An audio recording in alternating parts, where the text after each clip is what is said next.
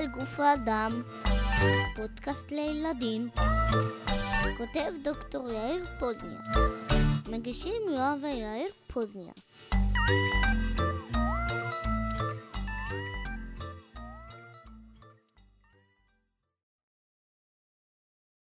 הגיע הזמן לפרק הסיום המרגש של העונה השנייה, ובפרק הזה, אתם הכוכבים. בשבועות האחרונים שלחתם לנו המון שאלות, ושמחנו לראות שאתם סקרנים מאוד ושואלים שאלות יפות וחכמות. למעשה, שאלתם כל כך הרבה שאלות, שנאלצתי לחלק את הפרק לא לאחד, לא לשניים, אלא לשלושה חלקים. זה החלק הראשון. החלק השני של הפרק יעלה ביום חמישי, 1 ביולי, והחלק השלישי והאחרון יעלה ביום שלישי, 6 ביולי. השאלות מקובצות לפי נושאים, אז גם אם אתם אחים ושלחתם שאלות ביחד, אולי תשמעו את עצמכם במקומות שונים. ואם לא שמעתם את עצמכם היום, קצת סבלנות. כל השאלות שלכם קיבלו מענה. אז אה, יואב, אתה מוכן להציג את הנושא הראשון שלנו? כן.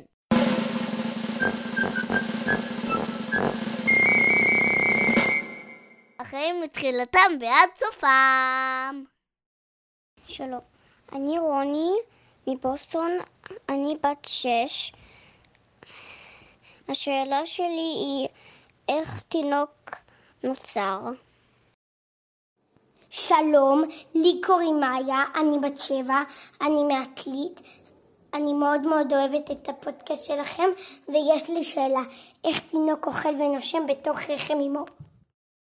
על תהליך היצירה של תינוק דיברנו בהרחבה בפרק מספר 27, אבל נחזור עליו בקצרה. כדי ליצור תינוק צריך זכר ונקבה. לזכר יש תא מיוחד, שקוראים לו תא זרע, והוא מכיל DNA עם התכונות של הזכר. לנקבה יש תא מיוחד שנקרא תא ביצית, והוא מכיל DNA עם התכונות של הנקבה.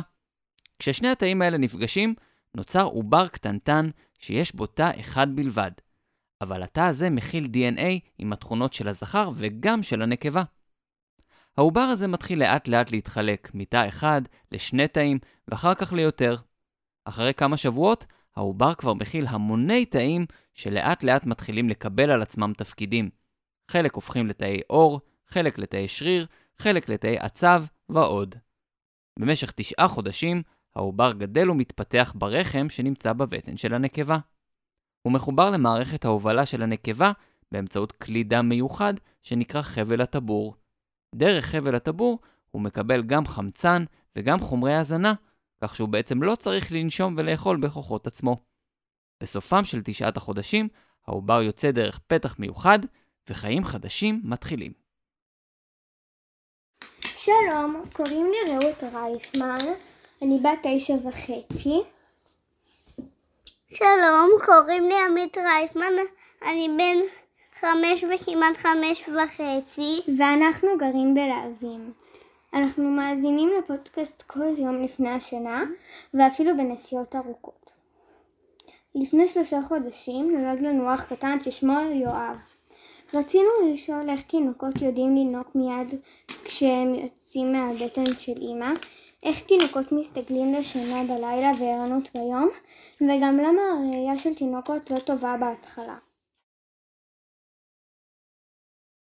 ברגע שתינוק יוצא לעולם החיצון, הוא מתחיל להיחשף לסימנים סביבתיים כמו למשל אור. ראינו באחד הפרקים הקודמים שהיעדרות של אור מגרה ייצור של הורמון השינה שנקרא מלטונין. אבל לפעמים לוקח לתינוקות כמה חודשים עד שהמלטונין מיוצר אצלם בצורה טובה. רק אז הם מתחילים לישון שנת לילה ארוכה. ככלל, תינוקות קטנים צריכים הרבה מאוד שינה שמאפשרת לגוף שלהם להתפתח. וזאת גם הסיבה שתינוקות לא רואים טוב מיד בהתחלה. ברחם אין אור שיגרה את הצו הראייה. מרגע שתינוק נחשף לסביבה החיצונית, העיניים שלו עוברות תהליך של הבשלה וסיום ההתפתחות שגם הוא לוקח זמן. בהתחלה הם מבחינים בעיקר באור מול חושך, והראייה עדיין לא ממוקדת. לאחר מכן הם מצליחים לעקוב אחר חפצים ואנשים ולמקד יותר את הראייה, ובתוך חודשים ספורים מתפתחת גם היכולת לראות צבעים. בחודשים הראשונים לחייו, התינוק אוכל חלב מיוחד. בחלב יש הרבה מאוד ויטמינים, סוכר ושומן שעוזרים לתינוק להתפתח ולגדול. יש בו גם נוגדנים שמספקים לתינוק הגנה מפולשים בחודשים הראשונים. כדי לאכול את החלב, התינוק צריך לדעת לינוק מפטמה. פעולת היניקה היא רפלקס, כלומר התינוק לא צריך ללמוד אותה כי הוא נולד איתה. ממש תוך זמן קצר, הגירוי של החלב גורם לתינוק שעכשיו נולד לחפש את הפטמה עם הפה שלו. הוא לא חושב על זה כי זה קורה בצורה אוטומטית, וכשהוא מוצא את הפטמה, הוא מבצע תנועות של יניקה, והחלב נכנס לתוך הפה. בצורה כזו הוא גם מבין מאוד מהר שפעולת היניקה היא פעולה טובה ומועילה, והוא ממשיך לבצע אותה כל פעם שהוא רואה פטמה. לפעמים התינוק לא מבדיל בין פטמה לבין דברים אחרים. אם למשל תכניסו בעדינות מאוד את הזרת לפה של תינוק קטן, תרגישו שהוא יונק בעוצמה רבה, אבל כמובן, לעשות את זה רק בהשגחה של מבוגר ורק עם רשות. קוראים לי בארי, איפה אתה גר? בחיפה. ומה אתה רוצה לשאול? איך, אה, למה ילדים אוהבים מוצץ? למה ילדים אוהבים מוצץ? פעולת היניקה של תינוק קטן היא פעולה שגם מרגיעה אותו, בכך שהיא משחררת במוח חומרים מרגיעים. מוצץ הוא בעצם תחליף לפטמה, וכך תינוקות יכולים להירגע, במיוחד כשהם עצבניים או פוחדים. כאשר התינוקות הופכים מתינוקות לילדים, לאט לאט הם אומרים שלום למוצץ, ולומדים להירגע בכוחות עצמם. יש ילדים שלומדים מגיל קטן מאוד להסתדר בלי מוצץ. למשל דניאל, אח של יואב, כמעט אף פעם לא השתמש במוצץ. ויש גם ילדים שלוקח להם קצת יותר זמן להיפרד מהמוצץ. אבל בסופו של דבר, כל הילדים מתבגרים ולומדים להירגע בצורות אחרות, כמו למשל לנשום עמוק, לעשות משהו אחר שאוהבים, או לשיר שירים. בשכונה שלנו יש עץ מוצצים מיוחד, שעליו תלויים מוצצים של כל מיני ילדים שנפרדו מהמוצץ, אבל עדיין באים מדי פעם לבקר אותו. שלום, אני גפן מטבעון, והשאלה שלי, למה אנחנו מפסיקים לגדול? תינוק קטן גדל מאוד מהר. זה אומר שהוא נהיה יותר ארוך ויותר רחב בפרק זמן קצר, וכך גם האיברים שלו, הידיים והרגליים, הלב והמוח, הכליות והריאות. אחד ההורמונים, כלומר השליחים הקטנים של הגוף, שאחראים לגדילה הזאת, נקרא הורמון גדילה. הוא מופרש בשנים הראשונות בכמויות גבוהות, ובעצם ממשיך להיות מופרש עד בערך גיל 20. זה גם בערך הגיל שבו אנחנו מגיעים לגובה ולגודל הסופיים שלנו. זה לא אומר שאי אפשר לשנות את המימדים, למשל מי שאוכל יותר, אולי יהיה במשקל גבוה יותר, אבל זה אומר שהאיברים הפנימיים שלנו הגיעו לשיא הגודל שלהם.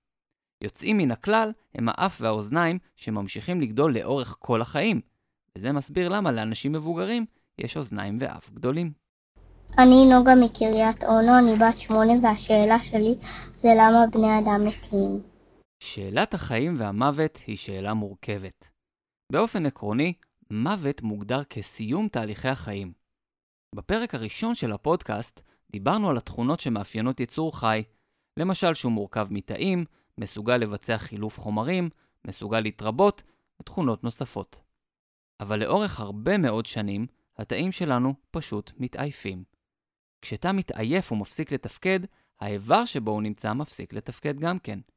ומכיוון שכל האיברים שלנו קשורים אחד בשני, הפסקת תפקוד של איבר אחד משפיעה מאוד על שאר האיברים. כשכל האיברים מפסיקים לתפקד, אנחנו קוראים לזה מוות. המוות הוא דבר עצוב מאוד, במיוחד אם מדובר באדם קרוב אלינו, או אפילו בבעל חיים קרוב. אבל מוות הוא גם חלק חשוב ממחזור החיים. כשאנחנו מתים, החומרים שמהם אנחנו מורכבים חוזרים לטבע. אולי בהמשך אפילו יהיו חלק מיצור חי אחר. את הקרובים שלנו שנפטרו, אנחנו יכולים לזכור באהבה ובהערכה, לדמיין שאולי מתישהו, בעולם אחר, נוכל להיפגש שוב.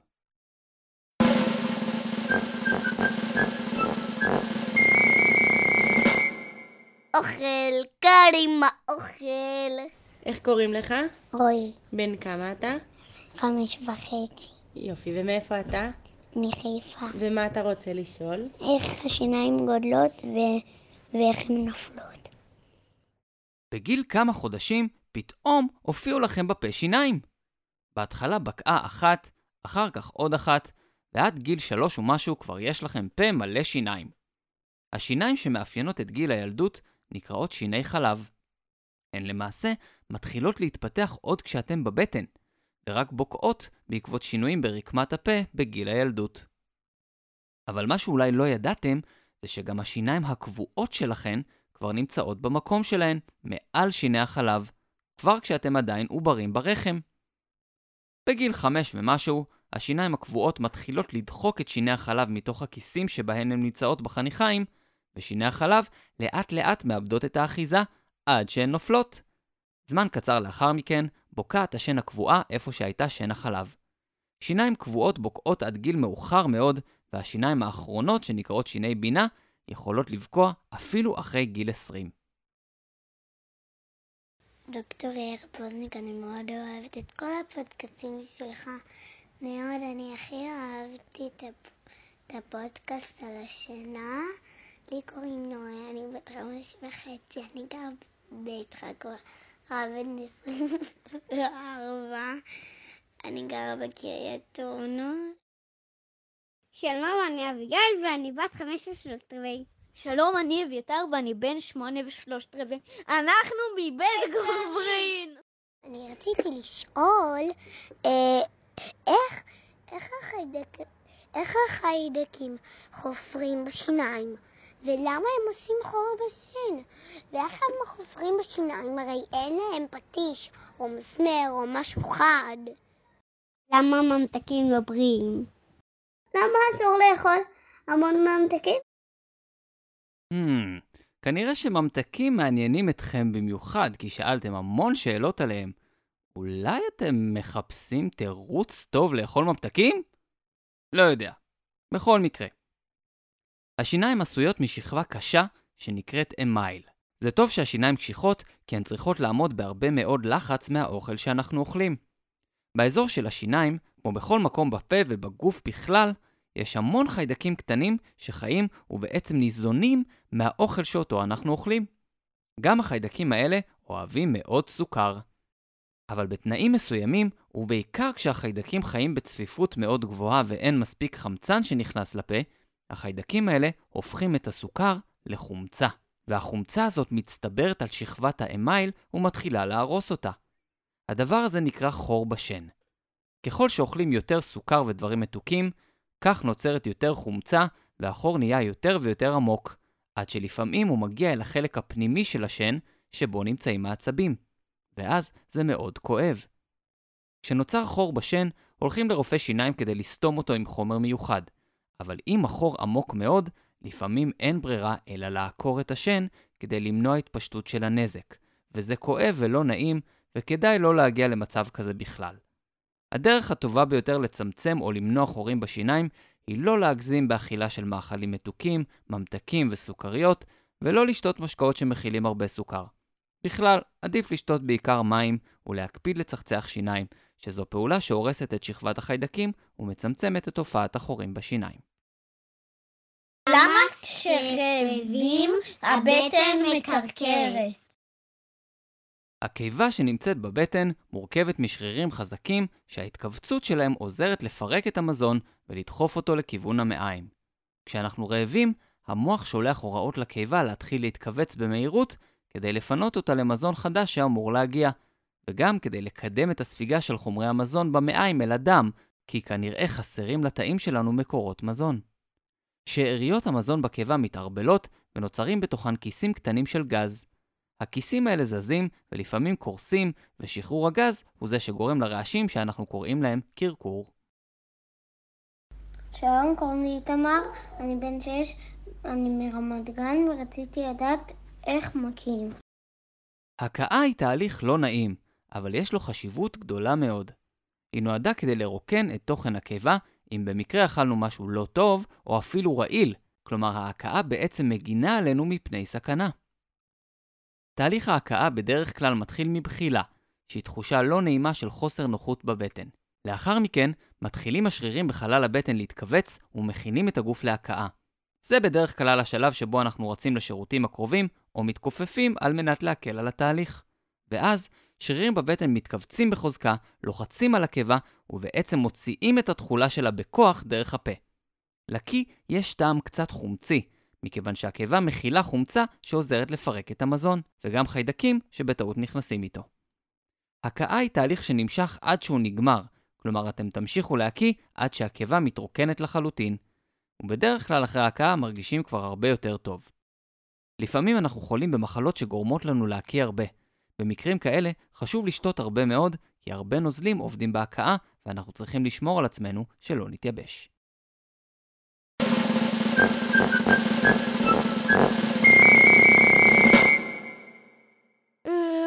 הולכים לישון, אני מאוד עייף. שלום, אני רועי בן 11.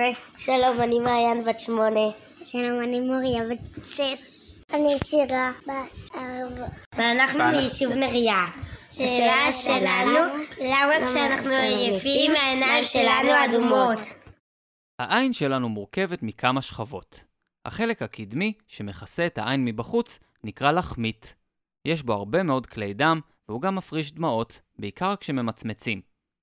מתחת ללחמית נמצא חלק שנקרא קרנית, שאחראית למיקוד האור, מתחתיה הרשתית, שהיא החלק הצבעוני בעין, והאישון שכולל את העדשה שדרכה עובר האור. כשאנחנו ממצמצים, מופרש מעט נוזל דמעות ששוטף את הקרנית, ויוצר שכבה חלקה שעליה העפעפיים מחליקים בקלות. כשאנחנו עייפים, וגם כשאנחנו יושבים הרבה זמן מול מסכים, תדירות המצמוץ יורדת. זה אומר שאנחנו ממצמצים פחות, והעין מתייבשת. כשהעין יבשה, פעולות המצמוץ שאנחנו כן עושים גורמות לגירוי של הלחמית ולכלי הדם שבה. כשכלי הדם מתרחבים, הם בולטים יותר על פני השטח הלבן של העין, ואז העין נראית אדומה. אם אתם רוצים לצמצם עיניים אדומות, תזכרו למצמץ יותר, וצמצמו את זמן השימוש במסכים. היי, אני ליאם, אני בן שש, אני מניו יורק, אני מאוד אוהב את הפודקאסט שלך, והשאלה שלי זה איך אנחנו נרדמים. על השינה ומחזורי השינה דיברנו בפרק 22, והרחבנו על שנת החלום, שהיא חלק מעניין מאוד בשינה. אבל חלק מעניין לא פחות הוא ההירדמות עצמה. מעט מאוד ידוע על מה קורה בגוף בזמן ההירדמות וההתנתקות מהסביבה החיצונית. אנחנו יודעים שבזמן ההירדמות יש גלגול איטי של העיניים כלפי מעלה, ירידה קלה בטמפרטורת הגוף וירידה קלה בקצב הלב והנשימה. מעבר לכך, יש שינויים משמעותיים בפעילות במוח, גם בחלקים שפעילים וגם בצורה שבה הם פועלים. השינויים האלה גורמים להתנתקות הדרגתית מהסביבה. בתחילת שלב ההירדמות אפשר עוד לשמוע קולות כאלה ואחרים, ועוד מדי פעם העיניים נפקחות ולעיתים חוזרים באופן זמני למצב של ערות, אבל בתוך זמן מה כבר שוקעים לתוך השלב הראשון של השינה. לפעמים לוקח מעט זמן להירדם, ולפעמים יותר, אולי כשהמוח טרוד בכל מיני דברים, או מכל מיני סיבות אחרות. אם אתם רוצים להירדם מהר ולישון טוב, כל המומחים ממליצים לישון בחדר חשוך, להימנע משימוש במסכים בשעה שלפני השינה, ולישון לפחות 8 שעות. לילה טוב! שלום, קוראים לי נבו, אני גג בחולון. אני נוגה, ואני נוגה אסקוביס, השם שלי משפחה הוא אסקוביס, ואני בת ארבע וחצי. למה כשמתעוררים בבוקר יש לכלוכים בעיניים, בסידי העיניים באזור האף? גם אביתר שואל, למה יש לנו קורא שינה בלילה? "אה, בוקר טוב, בואו נפקח את העיניים. אבל מה, מה, משהו מדביק לי את העין. אלה קורי השינה, או כמו שקוראים להם, לכלוכי בוקר, או בשם הרשמי שלהם, לפלוף. באמת. קורי השינה הם בעצם לכלוך שמצטבר בעיניים במהלך הלילה. ביום, פעולת המצמוץ שוטפת את קרנית העין ומסלקת לכלוך, אבק ותאים מתים, אבל היעדר פעולת המצמוץ בלילה גורמת לדברים האלה להצטבר בזווית העין, ואלה קורי השינה שאתם מכירים. בילדים קטנים, לפעמים קורי השינה כל כך חזקים, עד שחייבים לשטוף אותם במים לפני שאפשר לפקוח את העיניים, אבל לרוב, ככל שמתבגרים, הכמות שלהם פוחתת. אוקיי, עד כאן החלק הראשון של הפרק. בחלק השני של הפרק נשמע שאלות על צבע העור שלנו, על חיידקים ווירוסים, ואפילו על פצפוצים באמבטיה. נשתמע ביום חמישי. להתראות.